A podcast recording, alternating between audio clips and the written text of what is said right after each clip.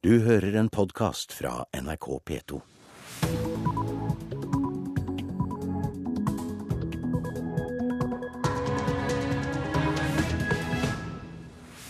Klokka er 6.30, det er fredag 20. april og du hører på P2s Nyhetsmorgen. Jeg heter Hege Holm. Dette er hovedsakene i nyhetene. AUF og støttegruppa forbereder seg på en tung dag i retten. I dag er Utøya tema. Ja, jeg tror, jeg tror folk gruer seg veldig. Det tror jeg. Eh, spesielt kanskje til hver enkelt sak blir tatt opp. Grasrota i Fremskrittspartiet sier nei til en borgerlig regjering uten Fremskrittspartiet. Og norske fotballspillere sliter med å finne målet i sesongåpningen.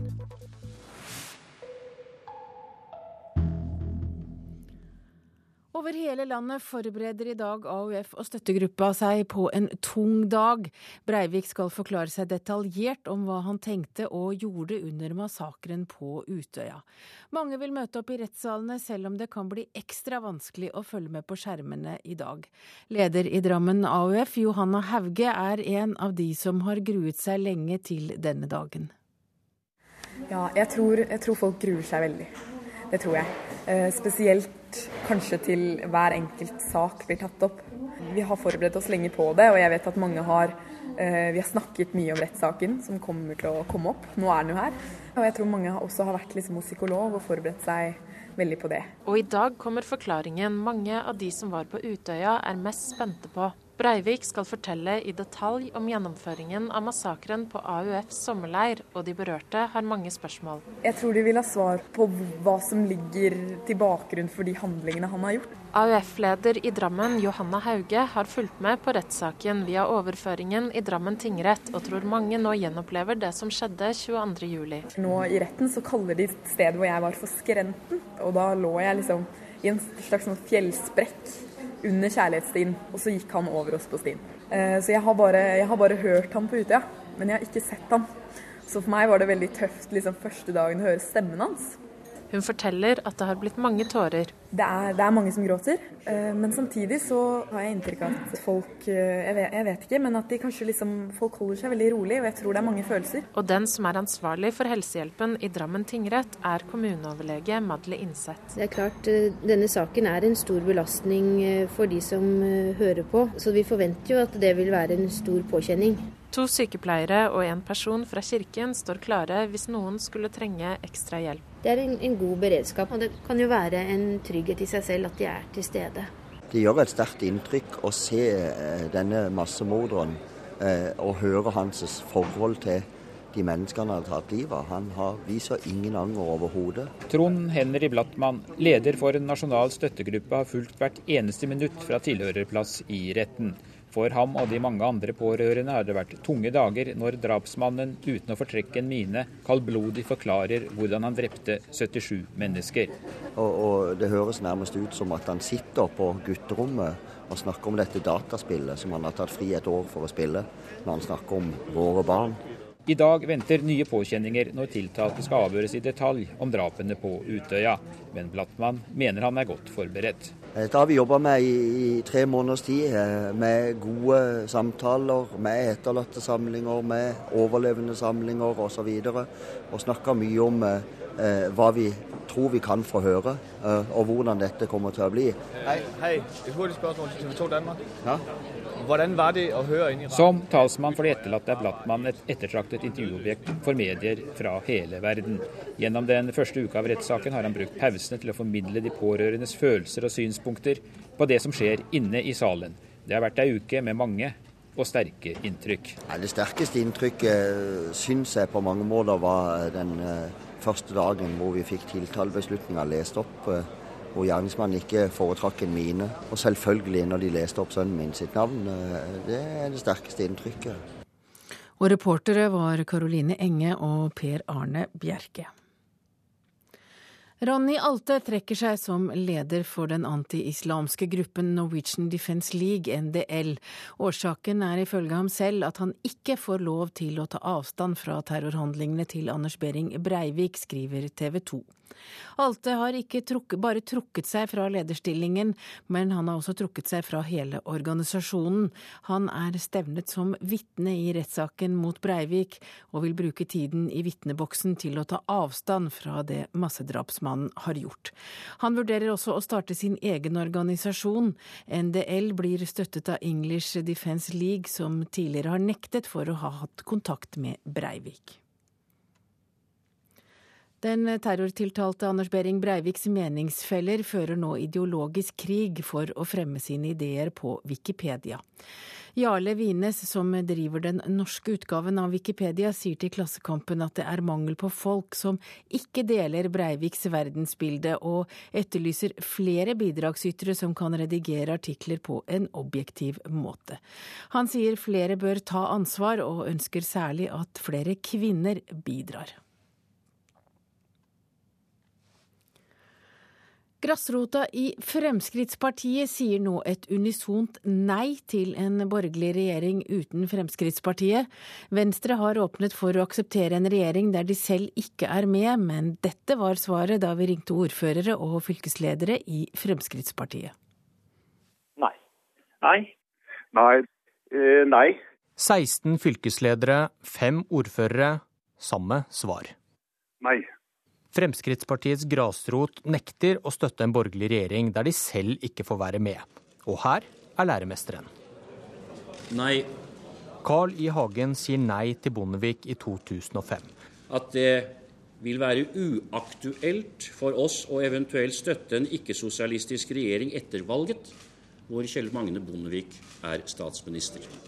Fremskrittspartiet vil ikke lenger bare være et støtteparti. Nei, der er vi egentlig klinkende klar. Roy Angelvik leder Sør-Trøndelag Frp. Vi har ingen eh, grunn til å endre strategi på det. Eh, nå ønsker vi å være en del av regjeringa. Og da, hvis vi blir sånne utenfor, så får de heller ikke vår støtte. De borgerlige klarte ikke samle seg i 2005 og 2009.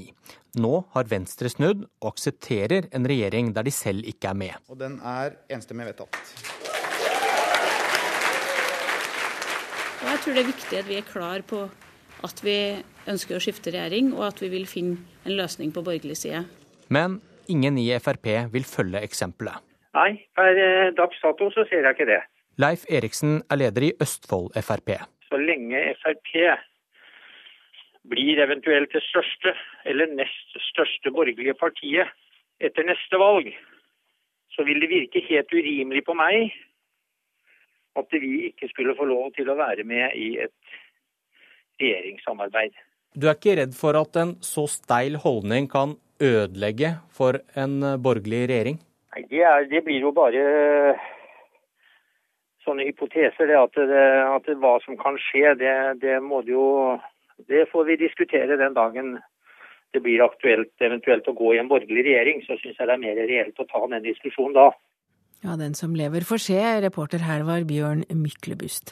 Og vi skal tilbake til terrorrettssaken, for det er nå voldsomme sikkerhetstiltak rundt Oslo tinghus mens rettssaken pågår. Og innsatsleder og politioverbetjent ved Oslo politidistrikt, Kjell Jan Kverme. Snart starter dagen. Hvordan har politiets Og det er dag fem i dag. Hvordan går politiets sikkerhetsarbeid? Politiet er veldig fornøyd med det sikkerhetsregimet som er lagt rundt eh, Oslo tinghus. Det fungerer på en eh, veldig god måte. Vi har ikke hatt noen uønskede hendelser. og eh, Folk som skal inn i tinghuset, både av profesjonelle aktører og besøkende, framstår som om de er fornøyd og de syns regimet fungerer på en grei måte. Er tilbakemeldingene vi har fått. Jeg syklet forbi tinghuset i går, og det ser jo nesten ut som en festning? Ja, nå, eh, Hvis en ser bare på bildene, så er det strengt at eh, media det meste en ser på utsiden. Eh, det eneste politiet har der, er noen få gjerder. Så det meste er medieskapt av telt og presseplattformer som står rundt tinghuset. Men er det slik at personer som ikke skal følge terrorrettssaken, ikke slipper inn? Nei, alle slipper inn i tinghuset. Det er et åpent tinghus, men alle som skal inn i tinghuset er nødt til å gå gjennom en sikkerhetskontroll. Dere har så langt vist bort eh, opp mot ti personer. Hvorfor det? Det er personer som eh, i forkant har ytra at de kanskje vil finne på å skape litt eh, bråk og skape ordensforstyrrelser inne på tinghuset opp mot den rettssaken som vi følger mest av. Og I tillegg så er det personer som har hatt med seg kniv i sikkerhetskontroll. Og folk som har vært veldig rusa eller berusa i den forbindelse kanskje ikke har, har eller i den forbindelse har framstått som et ordensproblem. Hadde du forventet at det ville bli flere problemer? Ja, Vi hadde vært tatt høyde for at det skulle bli større trykk, og kanskje flere personer ville prøve med å komme inn på forskjellige grunnlag. Men Kverme, hva har vært det mest utfordrende for dere de første fem dagene? Eller fire dager er det vel dere har vært gjennom til nå? Mest utfordrende, det er vanskelig å svare på hva er mest utfordrende. Oppdraget som sådan er jo en utfordring siden det skal være et åpent eh, tinghus. Men eh, vi syns at dette har gått på en veldig god måte. Og det glir på en eh, for å si det sånn, smertefri måte eh, for alle involverte aktører. I går ble en tidligere nynazist vist bort, og tidligere i uken en tysk kvinne som påsto at hun var kjæresten til Breivik. Eh, hvordan har dere kontroll på de menneskene som dere ikke vil ha inn eller, eller ha i tinghuset? Vi får gode opplysninger fra publikum på utsiden. og i tillegg så har vi eh, både uniformert og sivilt eh, personell på stedet. Når det gjelder han, eh, den siste som refereres til at den tidligere nynazisten ble vist bort, det, det, er ikke korrekt. Han var på utsiden og gikk bort selv, så vi bare snakket med han da han var på vei bort fra stedet. Det er jo mange uker igjen av rettssaken. Kommer dere til å ha like, streng, like strenge sikkerhetstiltak under hele saken? Sikkerhetstiltakene de ønsker vi ikke å gå ut med, men eh, vi vurderer de fortløpende. og Vi syns eh, på nåværende tidspunkt at vi har lagt oss på et riktig nivå, og så får vi ta den vurderingen fortløpende. Er du allerede på jobb, eh, Kjell Jan Kverme? Ja, det er korrekt. Takk til deg. Altså, du er innsatsleder og politioverbetjent ved Oslo politidistrikt og har ansvaret for sikkerheten rundt Oslo tinghus. Da har vi kommet fram til eh, en avisrunde. VG skriver i dag om et regjeringsoppnevnt ekspertutvalg som nå går til krig mot tobakken. Utvalget foreslår bl.a. at alle røykerom forsvinner. Det skal bli forbudt å røyke i bil og hjem, og forbud mot taxfree-salg og snusforbud fra 2017. Det skriver altså VG. I Telemark får syv av ti arbeid etter å ha gått på arbeidsmarkedstiltaket Arbeid med bistand. Tøffere krav fra Nav får flere ut i arbeid, skriver Aftenposten. På forsiden av Nasjonen slåss professor med statssekretær i Helsedepartementet om tallmateriale som helsebudsjetter og helsereformer er basert på. Professoren mener at Norge slett ikke bruker så mye penger på helse som politikerne påstår, og sammenlignet med andre OECD-land så ligger vi under middels. Dagbladet er på sin forside opptatt av hvordan vi kan gjøre PC-ene våre superraske ved å være kritiske til det vi installerer, og det vi har installert av programmer. Dagens Næringsliv er i dag opptatt av boligprisene. Færre hus til salgs gir rekordpriser, skriver avisen. Konsernsjefen i Storebrand, Idar Kreutzer, pryder forsiden av Vårt Land. Han har besøkt et krigsherjet Kongo og sier at han på kort tid har sett verdens ytterpunkter, og at det har satt spor i ham for livet. Adresseavisen skriver om strid i Sør-Trøndelag, og det er strid om vindkraft som nå har blitt politisak, etter at grunneier har anmeldt professor ved NTNU til politiet. Professoren skal ha gjort offentlig kjent deler av innholdet i en millionavtale grunneieren har inngått med Trønder Energi, og det er det Adresseavisen som skriver. Bergensavisen skriver at kvinner i Hordaland blir nest eldst i landet, og Stavanger Aftenblad forteller at folk i Sandnes er stoltere av byen sin enn de som bor i Stavanger.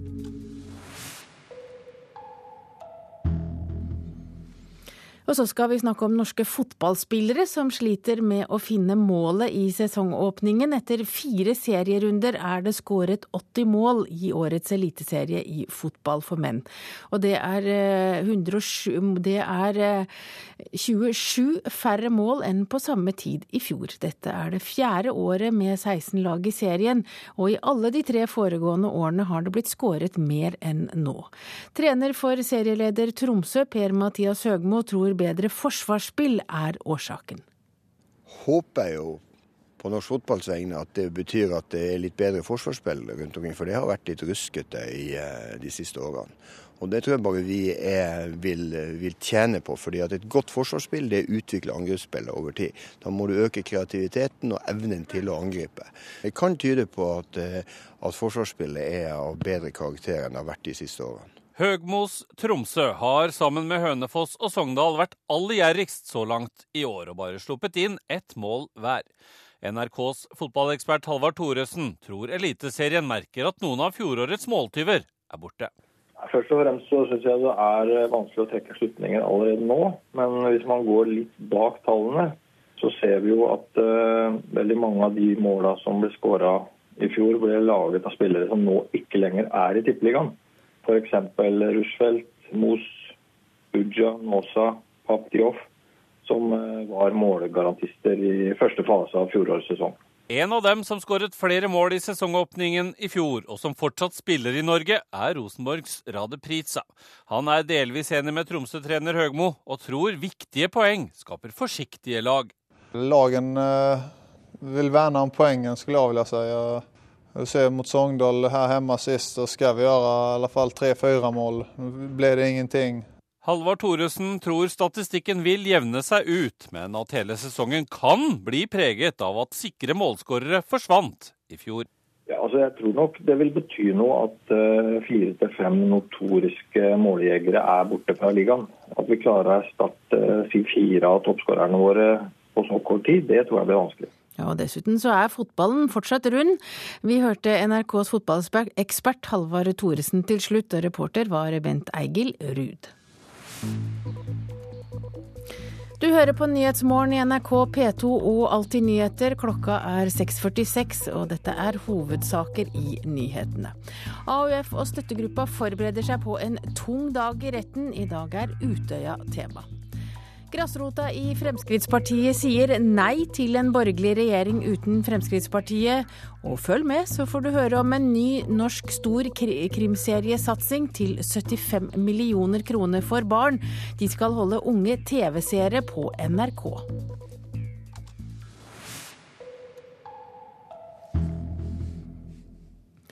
Elever helt ned i første klasse blir jevnlig testet i norsk, matte og engelsk. Det er en del av regjeringens kunnskapsløft.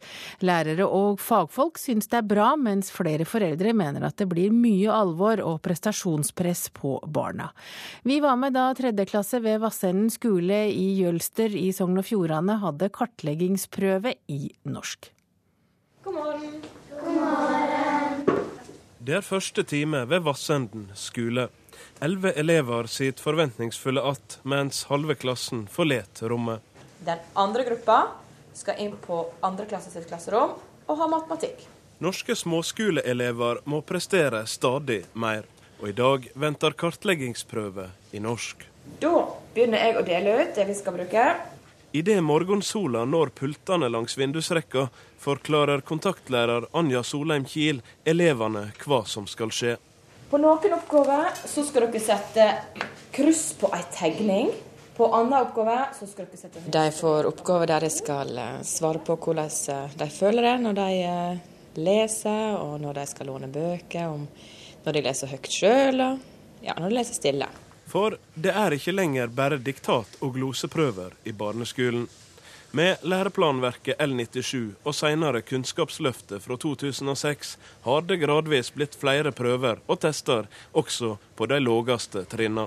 Målet er jo å finne ut hva nivå de ligger på, hvordan vi skal legge opp undervisninga framover. Og for å eh, avdekke hvis det er noen som har vansker. Blant foreldrene er meningene likevel delte. Birgit Tansøy sitter i foreldrearbeidsutvalget ved Vassenden skole. Jeg syns det skal være litt forsiktig. For jeg syns det viktigste når en begynner på skolen, når en går på barneskole, da skal en føle seg trygge. Og så skal en få sjøltillit. Mens kartleggingsprøvene de første åra kom i tredje klasse, skal nå også første- og andreklassingene gjennom prøvene. Tansøy frykter det for tidlig blir stilt store krav til elevene, og at en får prestasjonspress alt på barnetrinnet. Hvis jeg syns først at de er veldig gode i norsk f.eks., og har god sjøltillit på det, og så får de et resultat som viser at de egentlig ikke har forstått så masse, og så tror de at det er sånn de er. At de blir liksom på en måte stempla før de egentlig har fått kommet skikkelig i gang. Hvor mange prøver elevene skal ha, er i stor grad opp til skolen. Vassenden skole har valgt å ha mange, forteller rektor Anne Cecilie Kapstad. Da klarer man å få faglige prestasjoner som igjen gir de positive tilbakemeldinger og får en positiv utvikling. Professor i pedagogikk ved Høgskolen i Volda, Peder Haug, har forståing for at enkelte mener det blir for mange prøver i barneskolen. Han mener likevel at utviklinga er positiv. Opplevelsen av prøvepress er veldig subjektiv. For noen så er det for mye, og for andre så er det for lite. Min mening om det er at eh, det har gjennom veldig lang tid vært for lite prøvepress på skolen. I tydning at en har vært for lite opptatt av hvordan elevene har klart seg faglig på skolen. Ragnar Ges Solheim ved Universitetet i Stavanger har vært med å utarbeide kartleggingsprøvene i norsk. Han mener de er et viktig verktøy for lærerne. Det som kjennetegner disse prøvene, i motsetning til nasjonale prøver, det er at uh, disse prøvene er først og fremst beregnet på å gi læreren informasjon, som da kan uh, deles med foreldrene i foreldremøtet, slik at man har et felles mål å jobbe mot. I klasserommet på Vassenden er niåringene Jon Kristoffer Navelsaker og Otilia Sandal ferdige med sin norskprøve. Den var grei. Var det vanskelig? Som passelig. Det er jo alltid om å gjøre å gjøre så godt vi kan, da. Mm. Er det for mye prøver, syns dere? Nei. Jeg er egentlig blitt litt eh, mer vant med enn hva jeg pleier. Jeg syns det er litt, bitte litt masse, men det jo greit. Ja, Bitte litt masse. Vidar Gudvangen var reporter og besøkte barna. Musikken du hører når du sitter på kafé eller pub kan være helt ulovlig. Flere utesteder bruker streamingtjenestene Spotify og Vimp til å formidle musikk til sine lokaler, og dermed bryter de både lisensavtaler og åndsverksloven. Nå spiller vi Siri Nilsen. Og det er henta fra hvor? Spotify. Det er formiddag på Kafé Kaffebønna i Tromsø, og innehaver Bjørn Hellberg er bak disken og sjekker spillelista. Hvorfor bruker dere Spotify? Det er enkelt, og det virker. Så derfor bruker vi det. Blant annet som vi bruker andre digitale løsninger. Ja. Altså, vi har ingen andre alternativer. Lene Aasland og de andre baristaene har sjefens velsignelse til å streame musikk. Han var ikke klar over at dette var ulovlig før avisa Nordlys tok opp saken i forrige uke, og han har laga egen Spotify-konto til begge sine kafeer. Det er jo liksom hele hva man skal si, musikklogistikken vår er bygd om på at vi bruker i hvert fall digitale, et digitalt utgangspunkt. Ja. Så vi har ikke lenger CD-spiller i kafeen. Det finnes ikke oversikt over hvor mange utesteder eller andre næringsdrivende som bruker musikktjenester på nett ulovlig, forteller Marte Thorsby i IFPI, Foreninga for norsk platebransje. Jeg tror det brukes i stor grad. Eh, jeg tror det anses for å være en veldig enkel måte å på en måte ta med seg musikken og spille av det du ønsker på. Men det er klart, dette her er det ikke anledning til i henhold til den avtalen man da har inngått med Spotify eller Wimp. Thorsby forklarer lovbruddet på denne måten. Det er et avtalebrudd fordi at når abonnentene har eh, inngått en abonnementsavtale med Spotify eller Wimp, så har man undertegnet på at abonnementet kun skal brukes til privatbruk.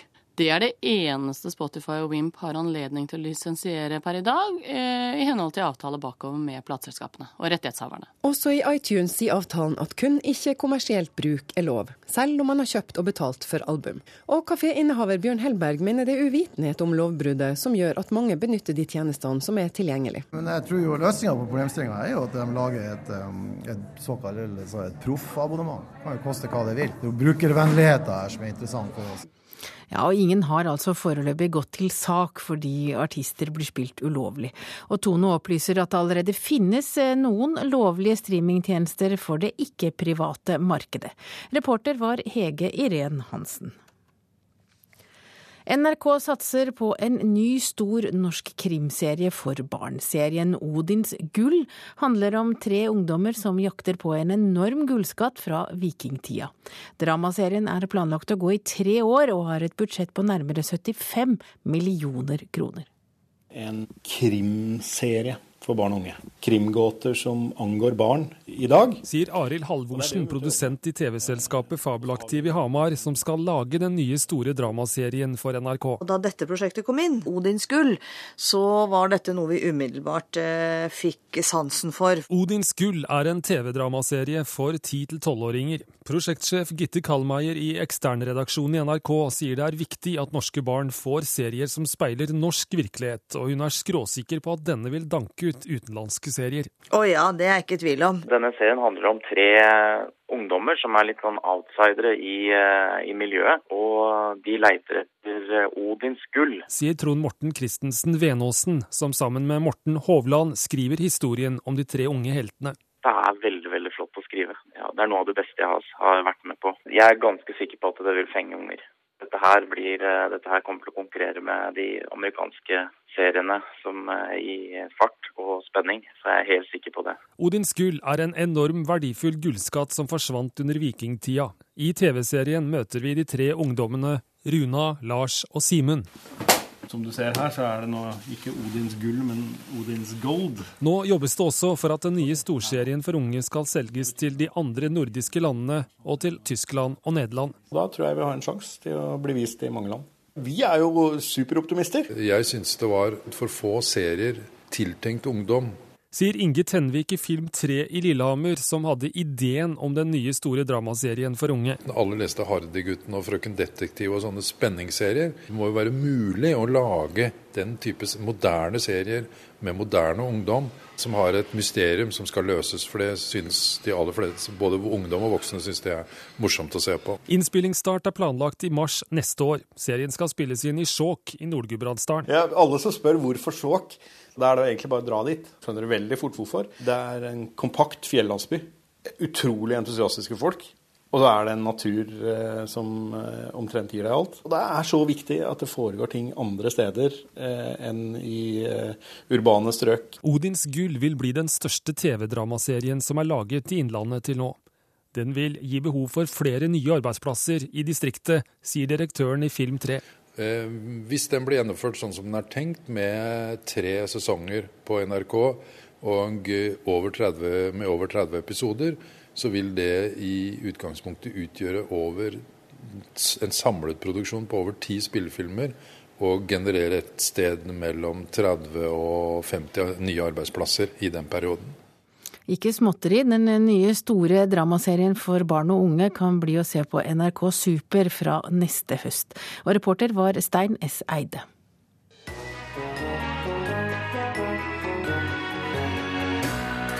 I dag er det 100 år siden Bram Stoker døde, den irske forfatteren som skrev historien om Dracula.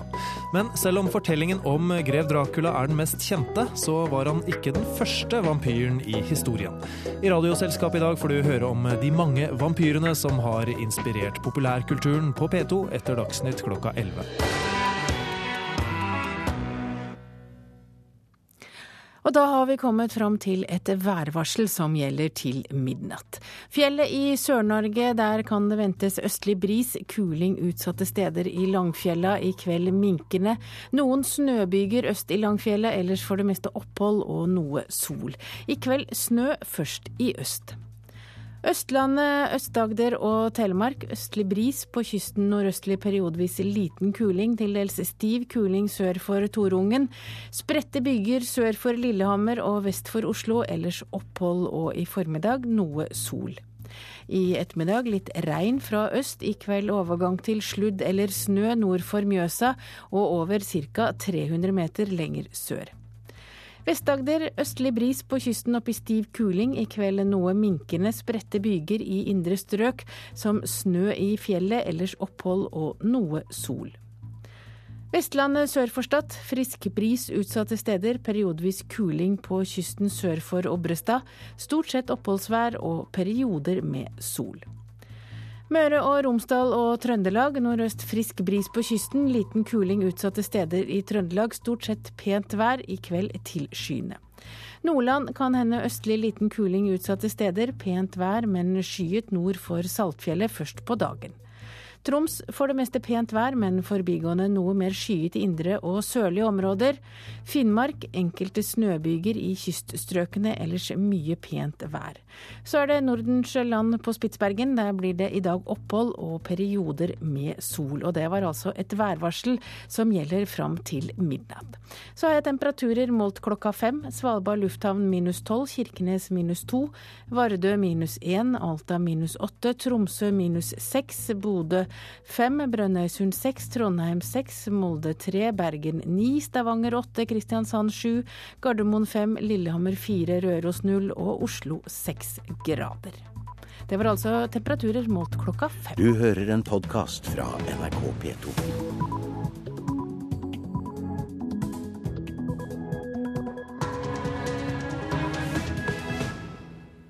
Det er klokka sju, du hører på Nyhetsmorgen og jeg heter Hege Holm, og her er en nyhetsoppdatering. Om ett år kan det bli mulig å se videoopptak av Breivik fra terrorrettssaken, sier riksarkivar Ivar Fonnes. Vi vil da vurdere om de delene av materialet er underlagt taushetsplikt etter forvaltningsloven, og er de ikke det, så vil vanlige folk kunne få se det.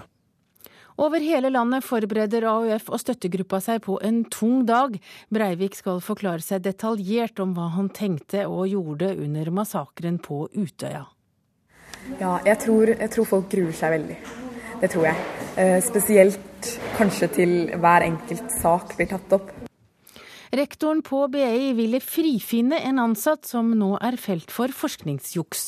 BI-rektoren har ikke forstått hva plagiat er, mener granskerne. Altså, jeg har for min del ikke sett noe fra BIs side i denne saken som tyder på at uh, man, har, uh, man har, forstått alvoret og, og, og, og ryddet i eget hus. På grasrota i Fremskrittspartiet er svaret klart ingen borgerlig regjering uten Fremskrittspartiet. Presidenten i Sudan, Omar Hassan al-Bashir, har truet nabolandet Sør-Sudan med krig dersom et okkupert oljefelt ikke blir forlatt. Nyhetsmorgen. Om ett år kan det altså bli mulig å se videoopptak av Breivik fra terrorrettssaken. Riksarkivet vil vurdere om deler av forklaringen hans vil kunne vises fram til dem som spør om det. Opptakene fra rettssaken vil bli låst inne i Riksarkivet, og forklaringen hans blir heller ikke sendt på TV. På gata i Oslo er det delte meninger blant folk som om de vil se og vurdere Breivik med egne øyne. Jeg syns jeg hadde vært ålreit. Jeg vil jo ikke si nei til det. Jeg tror det er godt for folk å se at han er blitt rett og slett kledd naken. Altså. Han har ikke noe forsvar, egentlig. Han kommer med noen sånne sitater. Han har jo ikke skrevet mesteparten så har han bare klipt og limt. Jeg tror, jeg, tror, jeg tror, vi har tålt det. Vi har tålt det.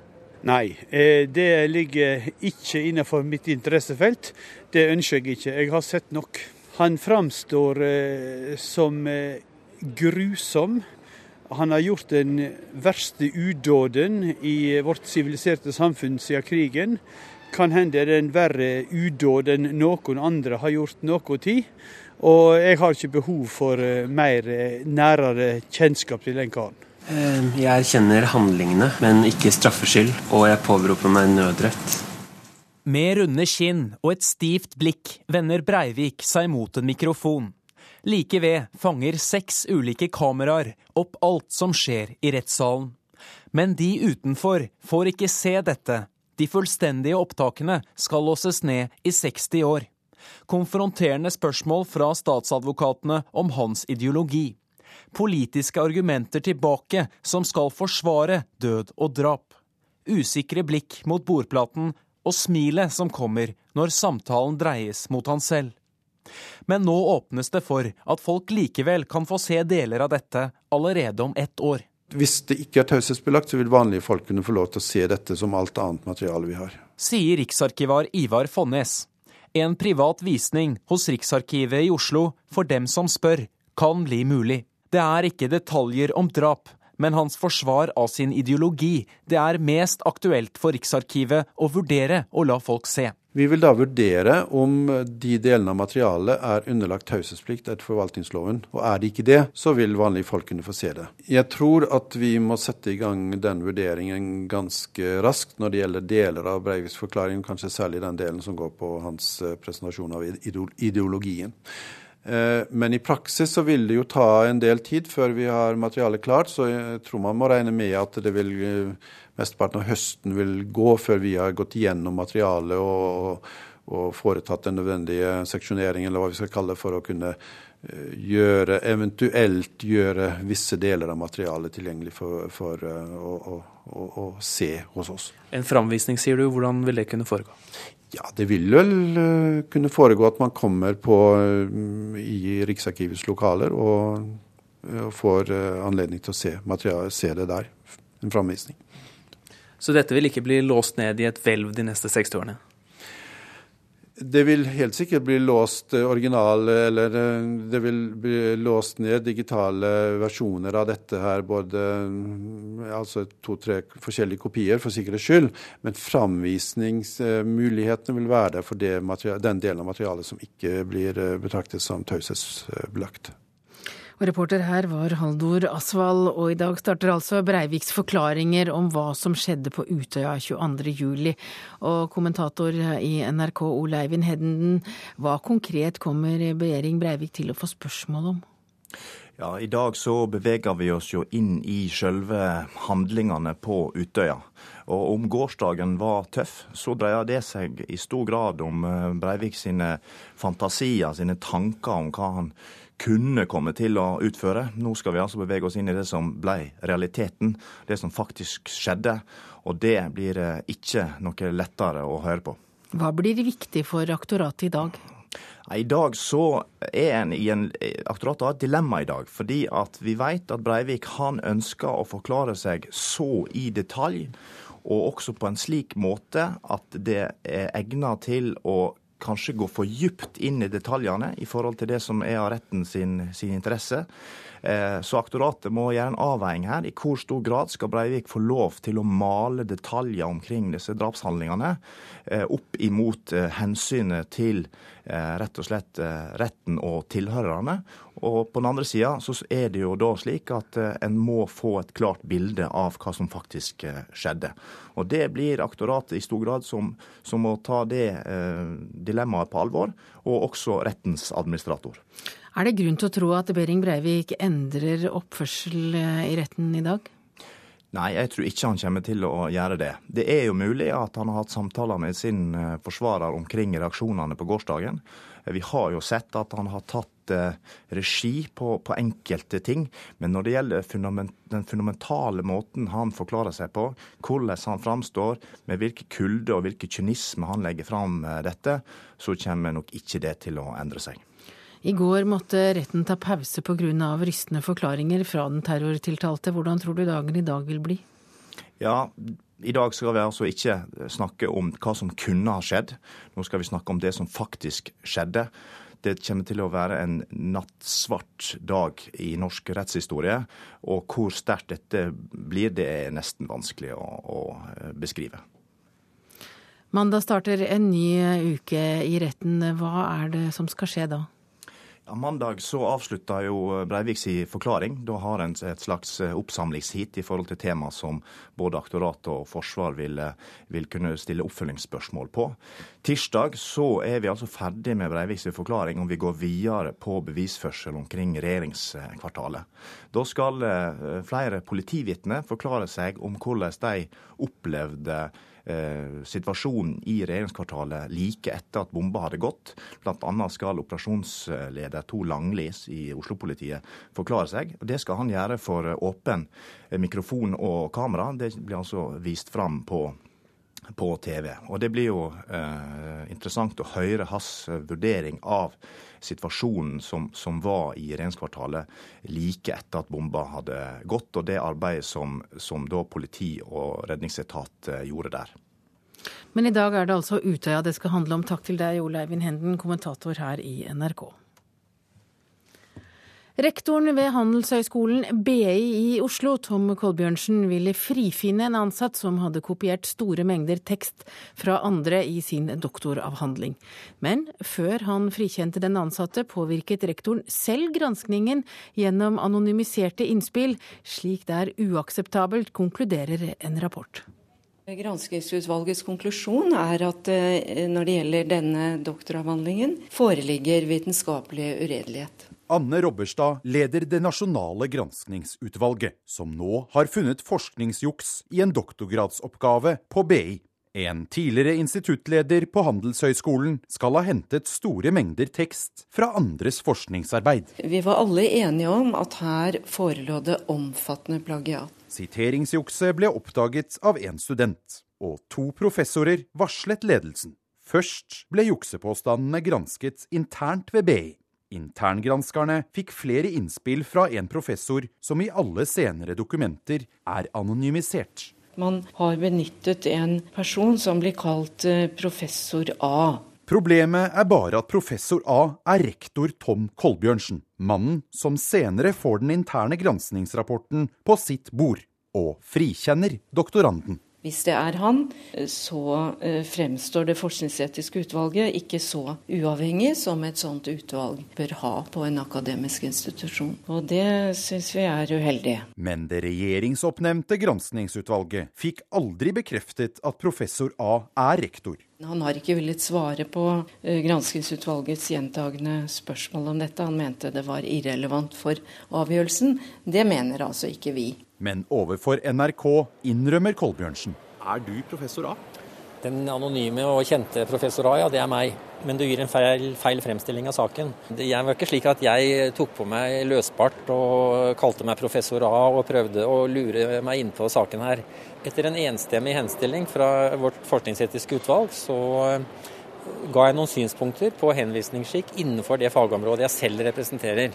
Og så, når da Forskningsetisk utvalg ville skrive ut sin innstilling, så valgte de å anonymisere. Rektor sier han ikke var den som bestemte at e-postene til BIs eget forskningsetiske utvalg ble anonymisert i senere dokumenter. Men for de nasjonale granskerne er ikke det godt nok. Leder Robberstad sier det er uakseptabelt at en rektor påvirker egne granskere. Det er en dårlig praksis, fordi poenget med å ha sakkyndige, det er jo at de er helt uavhengige og ikke blir påvirket av noen ovenifra. Dette er første gang BIs reglement har på en måte blitt skal vi kalle det, testet i en, i en stor sak. Og I den forbindelse så vil vi ha en debatt hvor bl.a. den type tanker som Robberstad der gir uttrykk for, eh, vil bli trukket inn. Men når du var med som premissleverandør til det forskningsetiske utvalget, og så fikk utvalgets innstilling på ditt bord, følte du ikke at noe var galt da?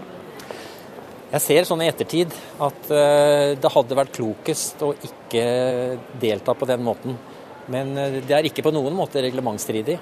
Men eh, jeg ser i ettertid at eh, det kanskje, hadde, at det kanskje hadde vært klokt av meg å overlate det innspillet fra mitt fagområde til en annen person. Flere akademisk ansatte ved BI som NRK har snakka med, er opprørte over rektors framferd i plagiatsaka. Men ingen vil stå fram. Flere viser til at de to varslerne har blitt skriftlig advara av rektor. Men et synspunkt som flere fremgjør overfor NRK, er at skolens faglige omdømme står i fare når ledelsen snarere prøver å dysse ned enn å gripe fatt i ei alvorlig juksesak. Av de 255 sidene i doktoravhandlinga anslår granskingsutvalget at nesten 37 sider var avskrift av arbeid som andre hadde gjort.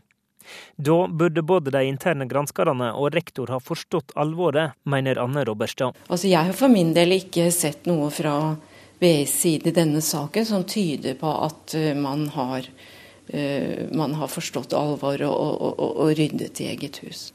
Så du mener bestemt at rektor på BI forstår ikke hva plagiat er? Uh, jeg kan bare uttale meg om hva han har skrevet, og ut fra det han har skrevet, så virker det som om det skorter mye på den forståelsen, ja.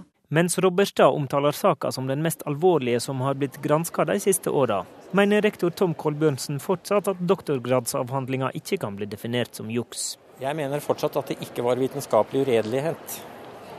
Det har vært vår konklusjon. Og det, og det jeg ønsker å la det være med den konstateringen foreløpig, som sagt. Fordi saken er enda ikke helt avsluttet. Så jeg ønsker ikke å gå inn i noe ytterligere diskusjon på det nå.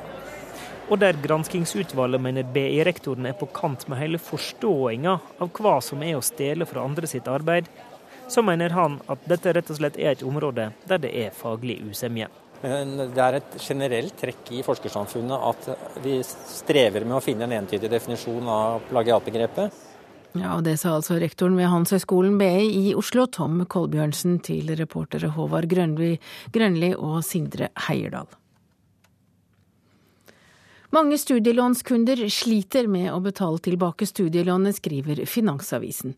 I mars hadde Lånekassen 645 millioner kroner utestående i betalingsanmerkninger, og ifølge Lånekassen er det færre i dag enn tidligere som ender opp med inkassokrav, men beløpene de skylder er blitt høyere. Så til et radikalt forslag i klimapolitikken. Norge bør kjøpe opp oljesandfelter i Canada og la være å utvinne oljen. Det sier professor i økonomi Bård Harstad ved Universitetet i Oslo til Dagens Næringsliv. Nylig ble argumentene hans publisert i en artikkel i det anerkjente tidsskriftet Journal of Political Economy, og ifølge Harstad kan det være mer effektivt å begrense tilbudet av fossile brensler, istedenfor å begrense etterspørselen gjennom skatter avgifter og kvotesystemer. Klokka er 7.15, du hører på Nyhetsmorgen i NRK P2, og dette er hovedsaker i nyhetene. Om bare et år kan det bli mulig for alle å se opptak av Breivik fra terrorrettssaken. Det går mot en tøff dag i tingretten når Anders Behring Breivik i dag skal forklare seg om hendelsene på Utøya. Og to dager før første valgrunde i Frankrike leder fortsatt den sosialistiske kandidaten Francois Hollande.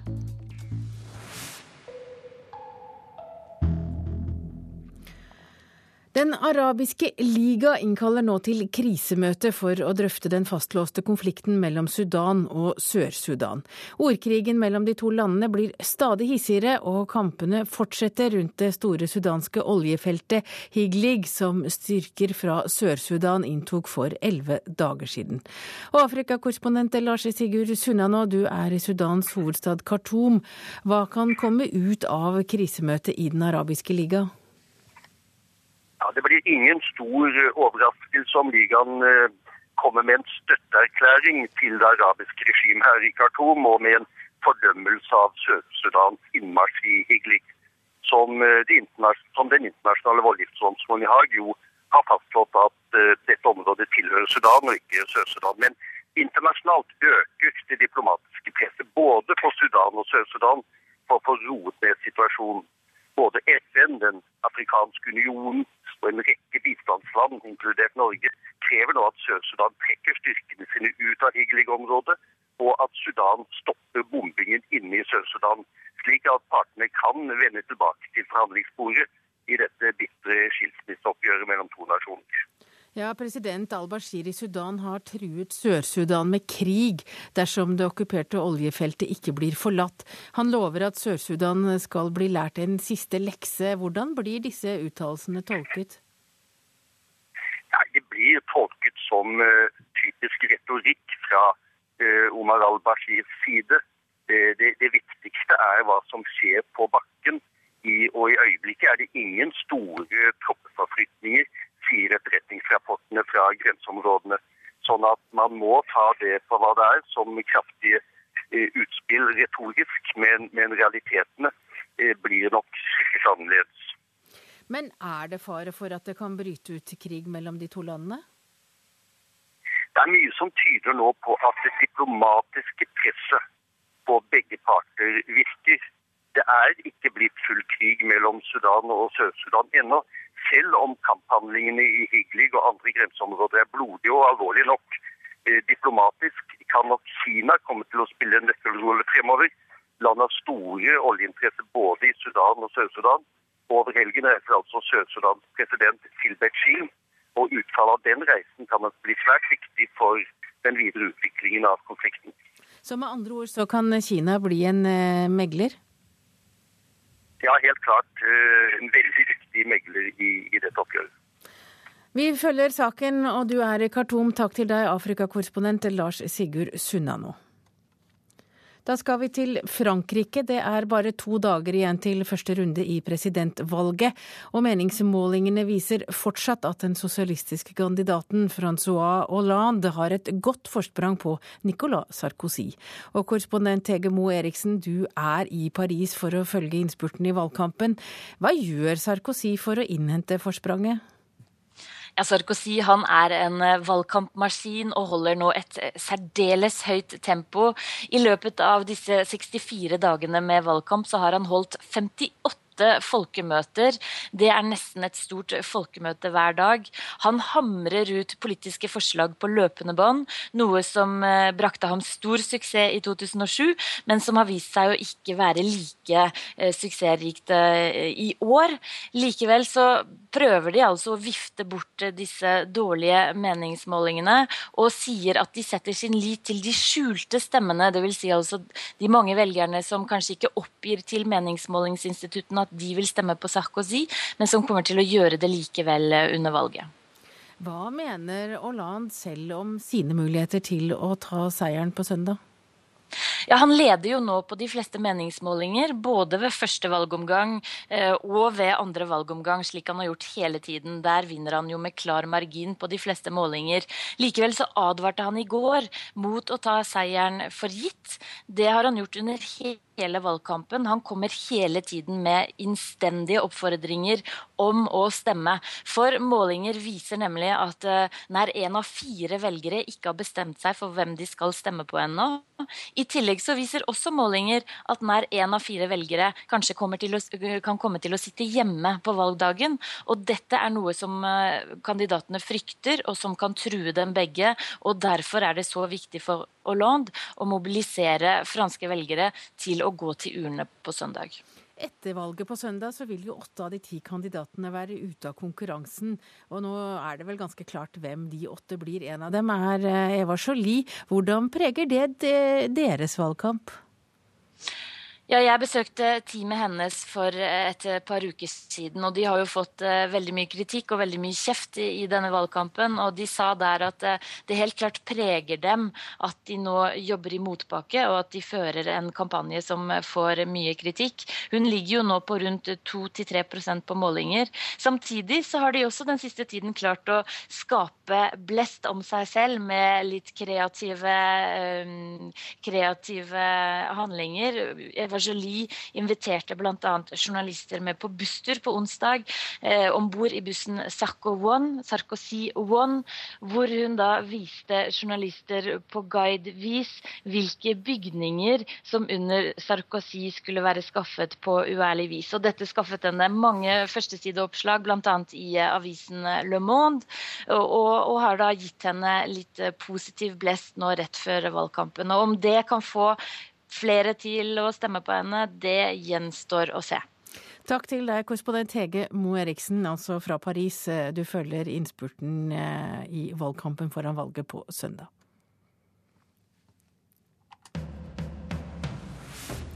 Et Nato-helikopter har styrtet i Afghanistan, det opplyser en amerikansk offiser i landet. Det er uklart om noen av de fire som trolig var om bord, har overlevd. Dårlig vær blir oppgitt som årsaken til ulykken, men andre årsaker blir foreløpig ikke utelukket, sier offiseren.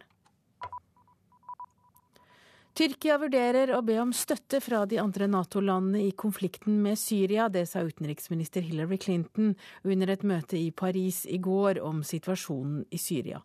På møtet kom det fram at Tyrkia vurderer å påkalle Natos gjensidige beskyttelsesavtale pga. bombing like ved den tyrkisk-syriske grensen. En gruppe politikere og soldater som ble arrestert i Mali denne uken, er løslatt. Den tidligere statsministeren og forsvarsministeren var blant de 22 fangene som ble hentet av væpnede menn og fraktet til militærjuntaens hovedkvarter. Pågripelsene er blitt kritisert både av FN og Den afrikanske union.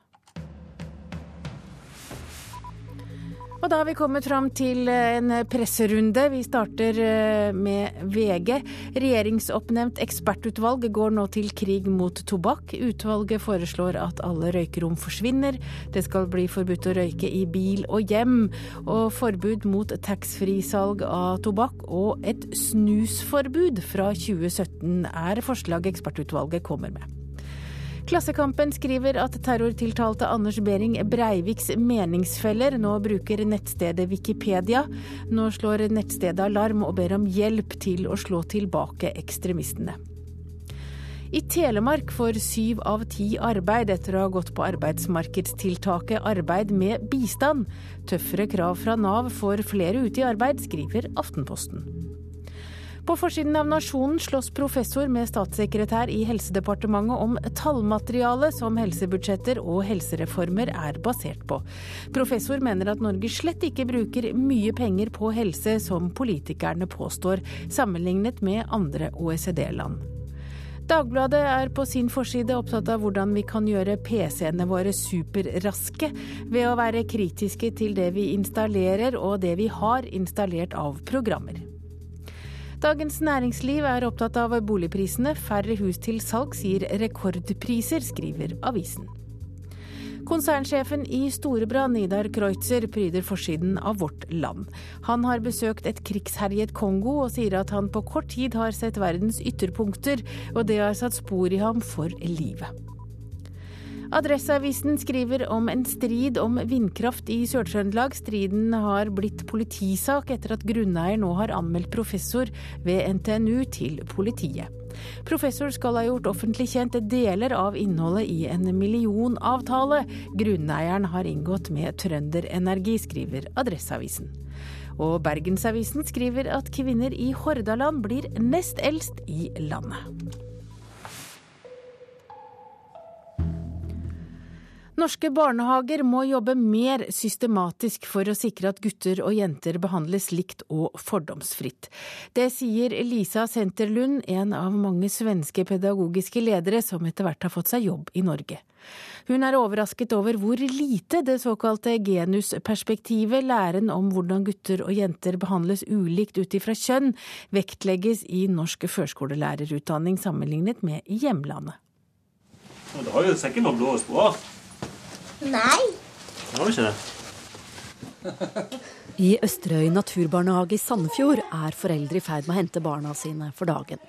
Få virker nevneverdig bekymret over at barna deres allerede fra de er bitte små, muligens blir behandlet ulikt ut ifra hva slags biologisk kjønn de har. Sånn, og så har du matboksen din. Jeg syns det er greit som det. Ja. ja, egentlig. Du klarer ikke å skille det der uansett, tror jeg. Det er sånn rosa er rosa, blått er blått. Det er jo det så lenge jeg opplever at barnehagen er nøytrale til hva som er jente- og gutteting, og når de ikke de legger til rette for at jenter skal bare leke med dokker, og at de legger til rette at gutter skal bare leke med biler, men at det er en nøytralitet i det, så tenker jeg at eh, det, det er greit.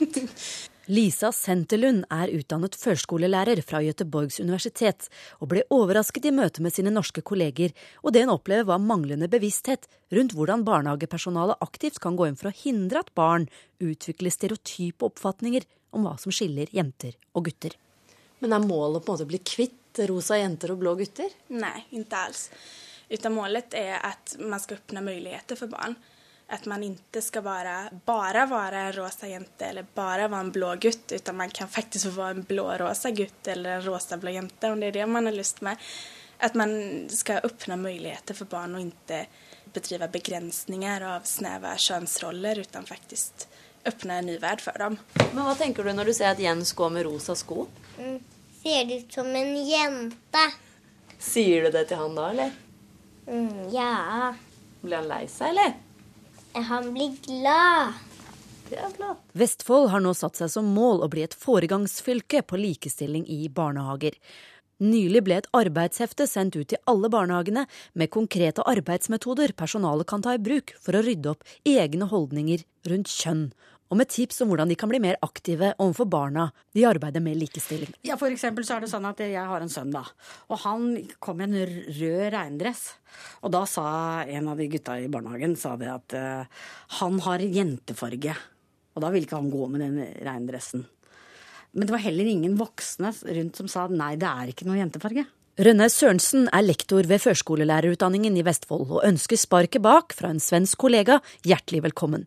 Hun tror det store fokus på biologisk og sosialt kjønn i svensk barnehagepedagogikk sammenlignet med den norske skyldes både en sterkere feministbevegelse der til lands og større forskningsmiljøer innen faget.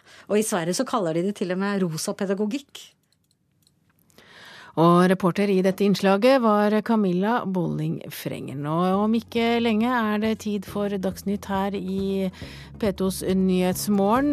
Og etter Dagsnytt skal vi til Mexico, for hvert år reiser 10 000 av fattige fra Mellom-Amerika gjennom Mexico til USA med håp om et bedre liv.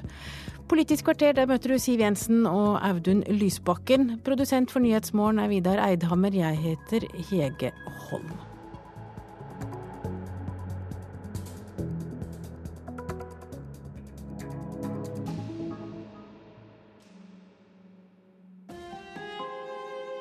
Hør ekko. Mormonerne tror Jesus dro til USA etter at han sto opp fra de døde. Du har kanskje fått besøk av dem på døra, de høflige og velkledde mormoner-misjonærene. På 60-tallet var unggutten Mitt Romney en av dem som banket på dørene. Nå vil han bli president i USA. Kan det være mulig? Ekko 9 11 i NRK P2. Om ett år kan det bli mulig å se videoopptak av Breivik fra rettssaken. Rektoren på BI gikk aktivt inn for å frifinne en ansatt som er felt for forsk forskningsjuks. Og grasrota i Fremskrittspartiet sier nei til en borgerlig regjering uten Frp. Her er NRK Dagsnytt, klokka er 7.30. Om ett år kan det bli mulig å se videoopptak av Breivik fra terrorrettssaken. Retten har bestemt at det ikke er lov å kringkaste forklaringen hans, men det blir tatt videoopptak, og Riksarkivet vurderer om deler av dette skal kunne vises fram for dem som spør. Det betyr at folk i framtiden ikke vil bli avskåret fra å kunne se og vurdere Breivik med egne øyne. Eh, jeg erkjenner handlingene, men ikke straffskyld, og jeg påberoper meg nødrett. Med runde kinn og et stivt blikk vender Breivik seg mot en mikrofon. Like ved fanger seks ulike kameraer opp alt som skjer i rettssalen. Men de utenfor får ikke se dette. De fullstendige opptakene skal låses ned i 60 år. Konfronterende spørsmål fra statsadvokatene om hans ideologi. Politiske argumenter tilbake som skal forsvare død og drap. Usikre blikk mot bordplaten og smilet som kommer når samtalen dreies mot han selv. Men nå åpnes det for at folk likevel kan få se deler av dette allerede om ett år. Hvis det ikke er taushetsbelagt, så vil vanlige folk kunne få lov til å se dette som alt annet materiale vi har. Sier riksarkivar Ivar Fonnes.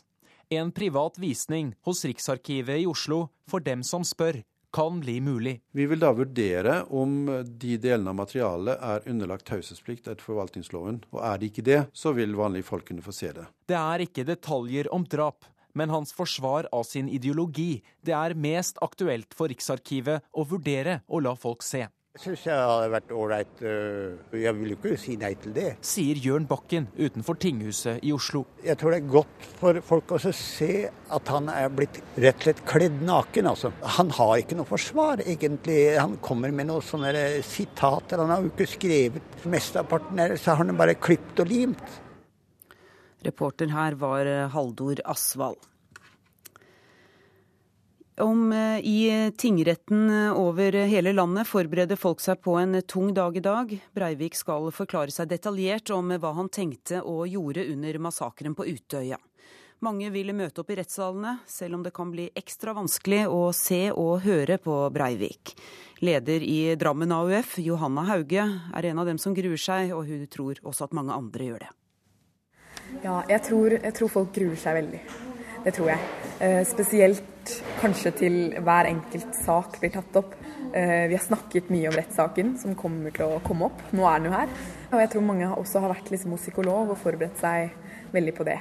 Breivik skal fortelle i detalj om gjennomføringen av massakren på AUFs sommerleir, og de berørte har mange spørsmål. Jeg tror de vil ha svar på hva som ligger til bakgrunn for de handlingene han har gjort. AUF-leder i Drammen, Johanna Hauge, har fulgt med på rettssaken via overføringen i Drammen tingrett, og tror mange nå gjenopplever det som skjedde 22.07. Nå i retten så kaller de stedet hvor jeg var for Skrenten, og da lå jeg liksom i en slags sånn fjellsprekk under kjærlighetsstien, og så gikk han over oss på stien. Eh, så jeg har, bare, jeg har bare hørt han på Utøya, men jeg har ikke sett han. Så for meg var det veldig tøft liksom, første dagen å høre stemmen hans. Og den som er ansvarlig for helsehjelpen i Drammen tingrett, er kommuneoverlege Madle Innseth. Det er klart, eh, Denne saken er en stor belastning eh, for de som hører på, så vi forventer jo at det vil være en stor påkjenning. To sykepleiere og en person fra kirken står klare hvis noen skulle trenge ekstra hjelp. Det er en, en, god beredskap, og det kan jo være en trygghet i seg selv at de er til stede. Det er, det er mange som gråter, eh, men samtidig så har jeg inntrykk av at folk eh, jeg vet, jeg vet, ikke, men at de kanskje liksom, folk holder seg veldig rolig, og jeg tror det er mange følelser. Reporter her var Karoline Enge. Og kommentator Ole Eivind Henden, det ligger altså an til en særdeles tung dag i retten i dag. Hva kan vi vente oss? I dag eh, så vil Breivik gå inn på selve handlingene han har utført på Utøya. Han vil altså beskrive hvordan han kom dit, hvordan han starta skytinga.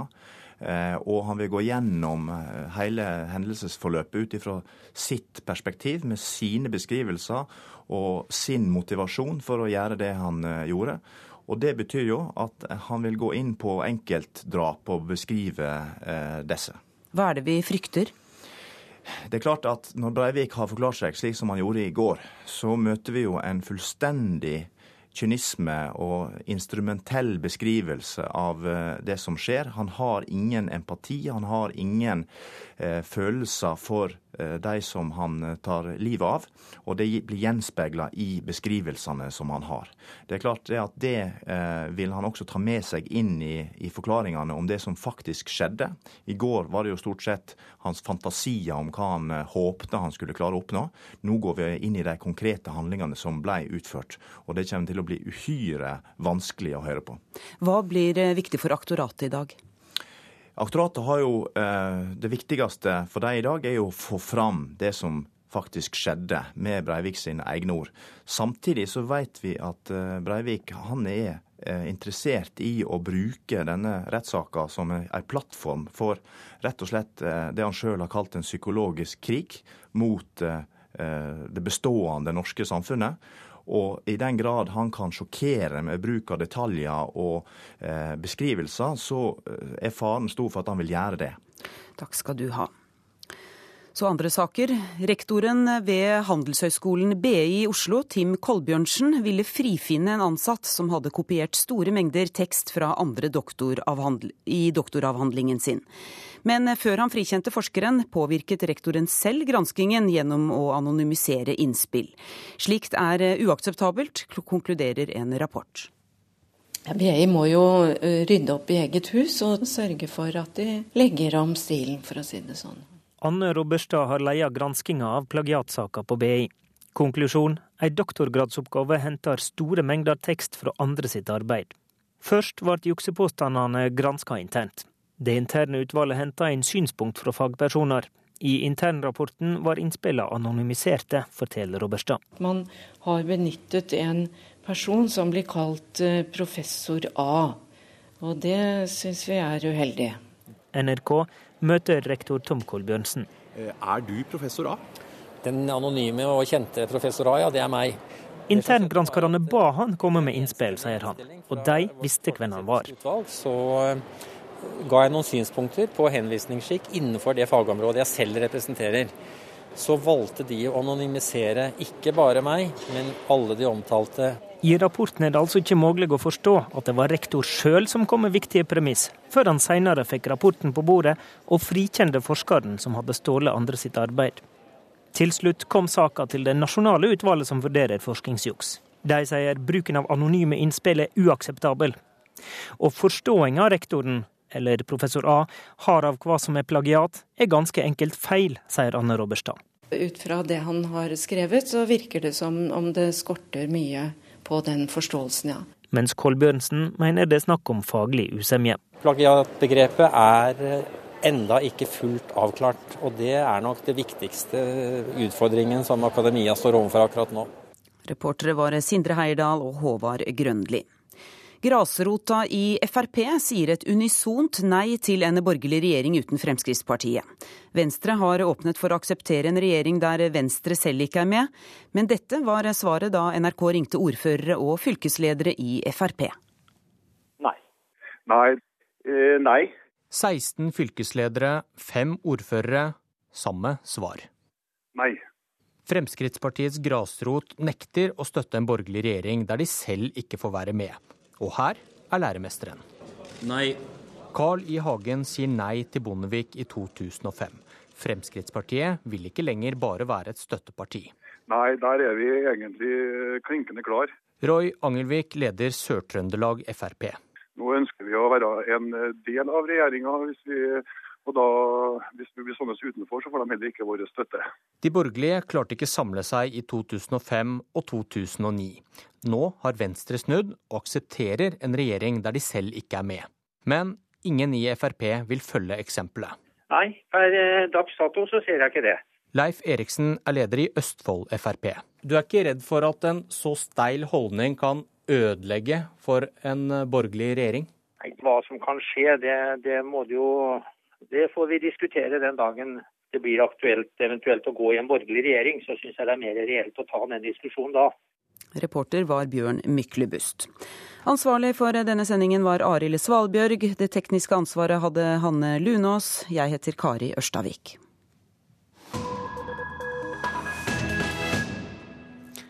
Og du hører på P2s Nyhetsmorgen, og nå skal vi ut og reise. For hvert år reiser nemlig titusener av fattige fra Mellom-Amerika gjennom Mexico til USA med håp om et bedre liv.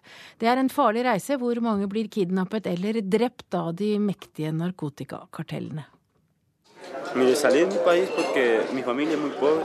Jeg reiste fra hjemlandet fordi familien min er fattig, og fordi det er svært vanskelig å få seg jobb der. Det forteller Onanca Javier Paz fra Honduras. En mann på 27 år med slitt T-skjorte og et vaktsomt blikk. Hjemme i Honduras har han tre små barn.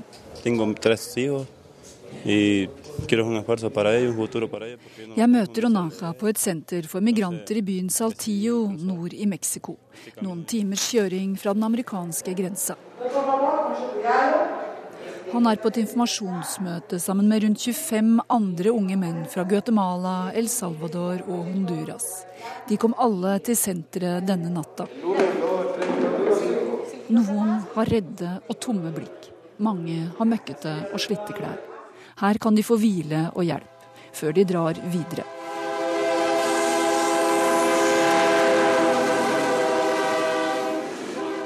De har reist illegalt med tog gjennom Mexico på vei mot USA. På det som kalles en av verdens farligste togreiser. Jeg var veldig redd, forteller Onanka. De illegale passasjerene klatrer opp på taket på togene, for de kan ikke kjøpe billetter på lovlig vis. De er redde for å falle av toget og skade seg for livet. De er redde for å bli stoppet av politiet, og redde for de mektige og voldelige narkotikakartellene i Mexico. Osman, som bor midlertidig på senteret, opplevde alles mareritt. Da toget stoppet i byen Nuevo Laredo, tok de med seg 14 personer. Vi ble tatt med til et hus hvor de ville ha telefonnumrene til familiene våre for å presse dem for penger, forteller han. I 25 dager var han gissel hos en av narkobandene. Til slutt klarte han å rømme. Han var heldig. Flere tusen illegale latinamerikanere blir drept hvert år. Minst 20 000 blir kidnappet. Mange tvinges til å jobbe med narkotikahandel eller prostitusjon. Seks av ti kvinner blir voldtatt.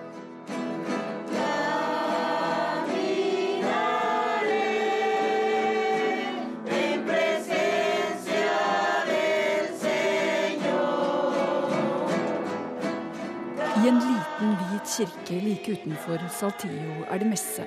Et lokalt kor synger, og biskopen José Raúl Vera Lopez holder preken. Det var han som startet migrantsenteret. For to år siden fikk han Raftoprisen for sitt arbeid. Han forteller at migranter også har blitt drept i Saltillo. Her i Saltillo they killed three persons. Two persons with guns and one person with stones. Raúl Vera og flere menneskerettighetsorganisasjoner som Amnesty mener at både politiet og hæren deltar i mange av overgrepene mot migrantene. Og han hevder at folk helt opp til regjeringsnivå i Mexico er involvert, for å begrense innvandringa til USA. This is a, a, an action that comes from our government, Mexican government, to protect the United States of the invasion of the migrants. På migrantsenteret venter Onanka fra Honduras på dagen han kan reise videre til USA. Med Guds hjelp håper jeg at jeg skal få en jobb, slik at jeg kan spare penger og gi familien min et bedre liv, sier Onanka med håp i blikket. Og det var reporter Inge Marit Kolstadbråten som hadde vært i Mexico. Klokka nærmer seg 7.45, og dette er hovedsaker denne morgenen. AUF og støttegruppen etter 22.07 forbereder seg til det som kan bli en av rettssakens tøffeste dager. Riksarkivet er åpne for at opptak av Breivik fra terrorrettssaken kan bli tilgjengelig for alle om bare ett år. Og rektor på BI vil frifinne en ansatt som nå er felt for forskningsjuks. BI-rektoren har ikke forstått hva plagiat er, mener granskerne. Og Da er det tid for Politiske kvarter, kvarter, og et landsmøte og et landsstyremøte står i sentrum hos deg, Sigrid Solund. SVs Audun Lysbakken og Fremskrittspartiets Siv Jensen taler begge til sine egne om eldreomsorg i dag, men lanserer helt forskjellige løsninger.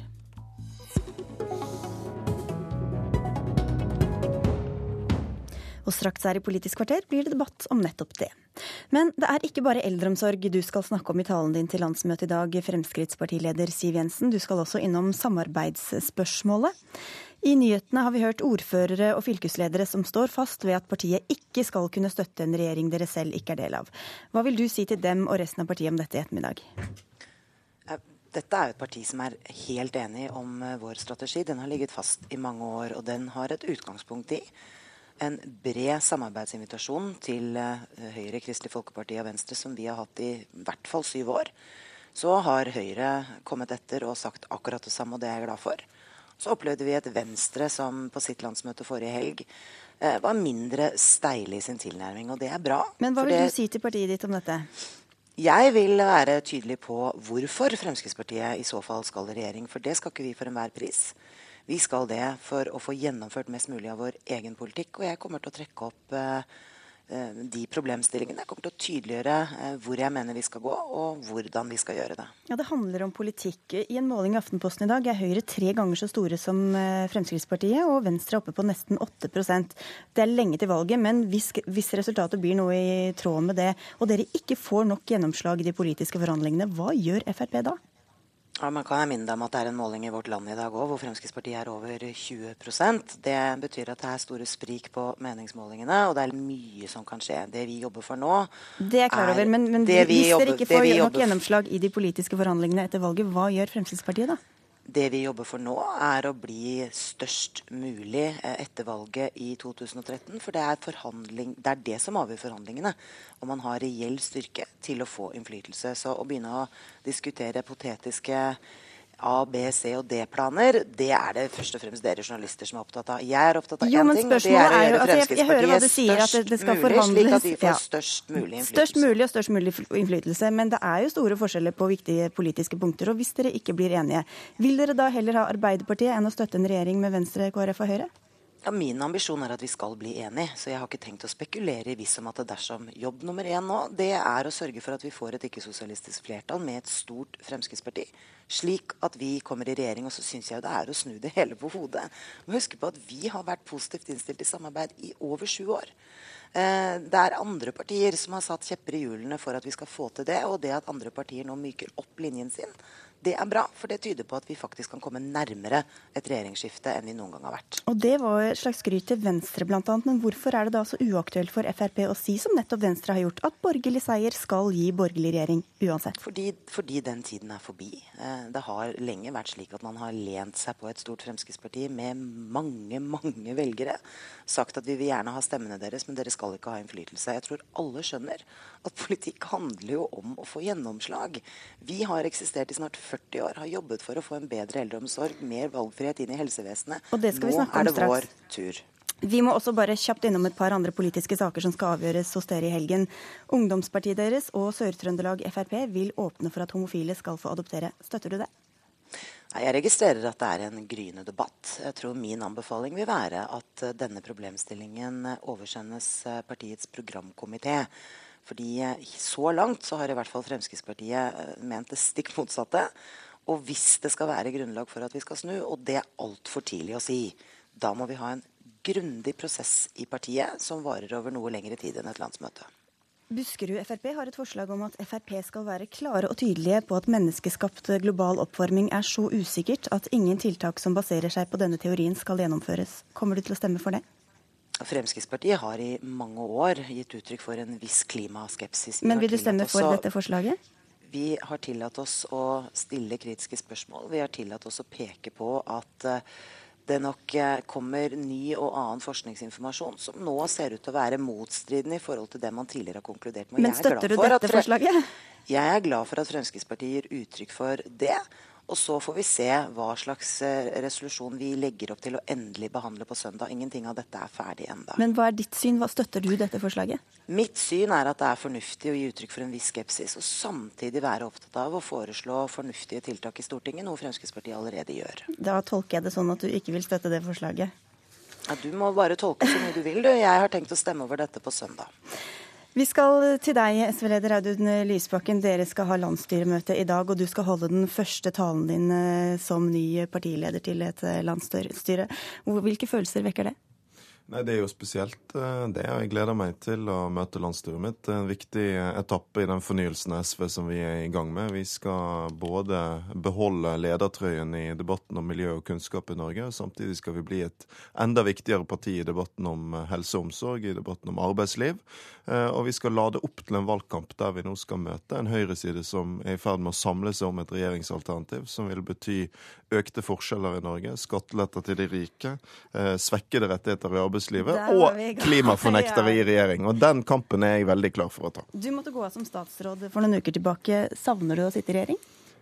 Nei, men jeg er veldig glad for at SV sitter i regjering, og jeg er opptatt av at SV skal fortsette å sitte i regjering, for det gjør at vi får eh, en bedre politikk for miljø og rettferdighet i Norge. Så skal jeg lede partiet fra Stortinget, og det syns jeg er en eh, stor og viktig og eh, artig oppgave.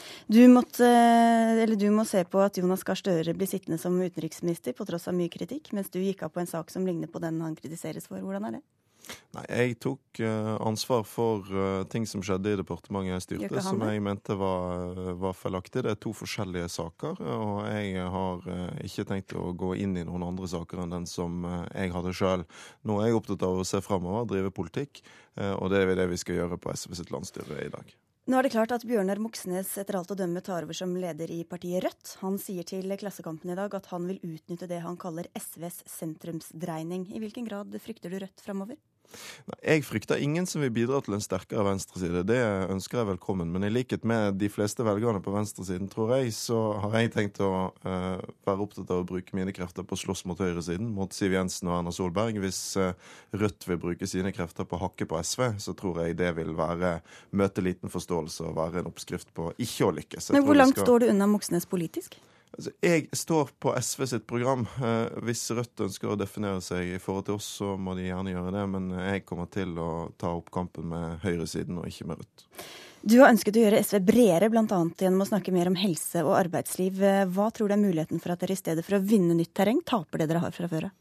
Jeg er helt overbevist om at det er mange flere potensielle SV-ere der ute enn de som slutter opp om oss i dag. Og Derfor så har jeg tenkt å jobbe hardt det neste året for at flere skal finne fram til SV-erne i seg. Men det er ikke så mange som har funnet fram så langt? Nei, men det er mange flere som uh, støtter opp om politikk for miljø og rettferdighet enn uh, de uh, 3-4-5 prosentene som sier de vil stemme SV på målingene i dag.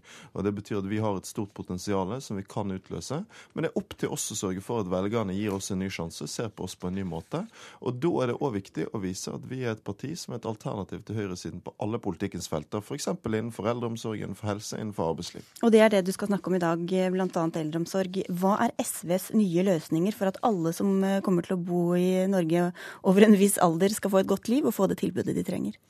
Det er innenfor helse- og omsorgstjenesten at det store slaget om velferdsstaten kommer til å stå eh, de neste årene. Og Det betyr at vi må sørge for at vi har offentlige løsninger som er så gode at høyresiden sin privatisering og kommersialisering ikke vinner gjennom. Den viktigste utfordringen da, mener jeg, det er å ikke få en debatt som bare er en konkurranse om å bygge sykehjemsplasser. Det er vi for, men den aller viktigste utfordringen i eldreomsorgen, det er å sørge for at flere eldre kan få det de ønsker seg aller mest, nemlig en sjanse til å bo hjemme lenger. Derfor trenger vi et stort løft for hjemmeomsorgen i årene som kommer. Fremskrittspartileder Siv Jensen, eh, er du egentlig uenig i det Lysbakken sier her? Jeg er enig med han i at vi ikke bare må bygge flere sykehjemsplasser, men også sørge for at folk kan bo hjemme lenger. Men det rare er jo at eh, Fremskrittspartiet hadde altså 25 forslag til en bedre eldreomsorg som ble behandlet i Stortinget i, i slutten av februar. Da så vi på på hvordan vi kan legge til rette for at man kan bo hjemme lenger, bl.a. ved å innføre ny teknologi, eh, trygghetsalarmer, omsorgslønn. Vi foreslo å fremme et eldreombud. Vi foreslo sterkere rettighetsfesting av eldreomsorgstjenester. Og ingenting av dette stemte SV for. Så må jeg jo si at eh, det fremstår egentlig litt hult, eh, det Lysbakken sier. Fordi han og hans parti har altså sittet i regjering nå i sju år har hatt ansvar for å kunne legge til rette for en bedre eldreomsorg. Det vi har sett, er en helt annen utvikling. Vi har sett en utvikling hvor mange kommuner sliter med å kunne tilby eh, gode nok eh, tjenester. Vi ser kommuner som har stengte sykehjemsavdelinger fordi de ikke har råd til å drifte dem. Det er med andre ord så store hull og mangler at det jeg egentlig tror Lysbakken driver med nå, det er å trene på å være i opposisjon til en annen regjering det er gjennomført et stort løft ute i kommunene. Men det er veldig stor forskjell på hvordan kommunene har brukt det økte handlingsrommet de har fått. Mange har ansatt svært mange nye omsorgsarbeidere i eldreomsorgen. Men dessverre er det også en del kommuner som har valgt uh, å innføre mer stoppeklokkeomsorg og innføre rigide systemer som gjør at vi har fått for mye byråkrati og for lite reell valgfrihet i eldreomsorgen. Og Det som er påfallende, er jo at de stedene Fremskrittspartiet får makt, så blir det altså mer rigide systemer, mer stoppeklokkeomsorg uh, og mindre av den fleksibiliteten som trengs for å gi de eldre det tilbudet de trenger hjemme. Det har vi sett i Oslo med Frp ved makten, det har vi sett i Bergen ved Frp med makten. Og Frp ønsker nå å lage en nasjonal stoppeklokkepolitikk, der staten skal inn og finansiere tilbudet til hver enkelt uh, av de uh, eldre.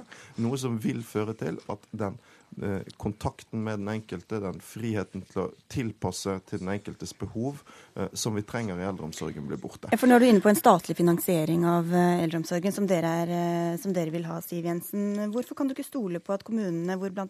Frp styrer, kan prioritere de eldre uten tvang fra staten? La meg først si at det Lysbakken nettopp sa er galt. Fremskrittspartiet har gjort en ihuga innsats i mange av de kommunene hvor vi sitter og styrer, og forbedret eldreomsorgen med mange kvantesprang. Vi har bl.a. bygget om fra dobbeltsenger til enkeltrom, hevet kvaliteten, sørget for bedre bemanning, sørget for andre turnustjenester. Vi har med andre gjort masse bra. Problemet for kommunene er ikke at de ikke prioriterer. Det handler om at de har for lite penger. De har fått mange nye oppgaver fra den rød-grønne regjeringen som ikke er finansiert. Og alle skjønner at hvis du har for mange oppgaver og for lite penger, så kommer det til å gå utover noe. Men de må sånn finansieres på, altså, ja, og det er derfor direkte til eh, eldreomsorg? For at ja, det er riktig. Det er, derfor, det er derfor Fremskrittspartiet i 25 år har sagt at vi må lage et rettighetsbasert finansieringssystem som følger den enkelte eldre, og ikke den enkelte kommune. Da handler det om at det spiller ikke noen rolle i hvilken kommune du bor i. Som eldre som har behov for enten hjemmetjeneste, hjemmesykepleie eller sykehjemsplass, omsorgsbolig, så skal det utløses av legen din. Det øyeblikket legen sier at nå kvalifiserer du for eh, hjelp fra det offentlige, så skal det komme automatisk uten at man skal måtte ha en forutgående behandling i et kommunestyre. Det høres jo ut som om eh, de, alle partiene snakker alltid om eldreomsorg i hvert eneste valg. Alle er enige om målet og enige om virkelighetsbeskrivelsen. Audun Lysbakken, er det bare dette statlig finansiering? Er det den eneste politiske uenigheten? Nei, Vi er uenige om virkemidlene. Vi er uenige om dette statlige systemet Fremskrittspartiet ønsker seg. For det vil føre til at det, det er lett å sette pris på en sprøyte, på et rom, på et måltid. Men det er veldig vanskelig å sette pris på uh, omsorg, på sosial kontakt. Jo, men da sørger man i hvert fall for at pengene kommer dit de skal, da. Ja, men derfor så må vi stole på på at man lokalt kan tilpasse eh, til den enkeltes behov. Men Kan man stole på det du, i din opprinnelige beskrivelse av hvordan eldreomsorgen står til rundt om i landet? Ja, Den er styrket mange steder, og så må vi styrke mer. Men det vi trenger, er også prioritering av det som er aller viktigst nå. Og det er trygge boliger som folk kan eh, bo lenger i og hjemmetjenester som gir den enkelte omsorgsarbeider frihet til å tilpasse til de eldres behov. Dvs. Si at den dagen fru Hansen har ekstra behov, så må det være mulig for hjemmetjenesten å være der litt lenger. Men da må jo også lenger. pengene følge med. Den... Hvorfor, hvorfor, vil du ikke sette av de pengene som da skal sørge for at fru Hansen får den boligen? Jo, men Det vil jeg, og det gjør vi. Men Siv Jensens system vil være et rigid og byråkratisk system som setter av en eksakt sum for hver diagnose for, uh, hver, uh, for hvert eldre menneske i Norge, uh, og som vil gjøre det umulig å tilpasse tilbud til den enkeltes behov. Det blir en kontraktsbasert nasjonal stoppeklokkepolitikk som vil gjøre eldreomsorgen dårligere. Dette blir, det, det vil være om... umulig å tilpasse til den enkeltes behov. Nei, det, det Fremskrittspartiet ønsker seg, er å gi eldre mennesker en lovfestet rett til grunnleggende tjenester, til grunnleggende behandling når Men... sykdom inntreffer. Og jeg må si at jeg, jeg, jeg syns det er ganske spesielt å høre på Audun Lysbakken. Han har sittet og hatt ansvar for dette i sju år.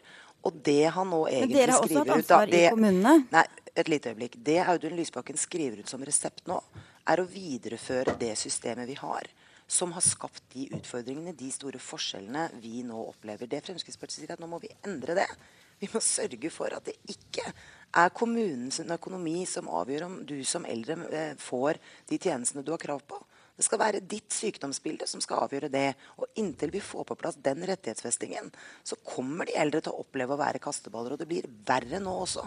Fordi Samhandlingsreformen som nå trer i kraft i kommunene, den er heller ikke finansiert. Noe som betyr at vi er nødt til å avslutte, opplever dette som et stort problem. Jeg ser at Audun Lysbakken helt sikkert har 100 000 innvendinger, men vi rekker dessverre ikke å ta dem. Takk skal dere ha for at dere kom til Politisk kvarter, som nå er slutt. Mitt navn er Sigrid Solund. Du har hørt en podkast fra NRK P2.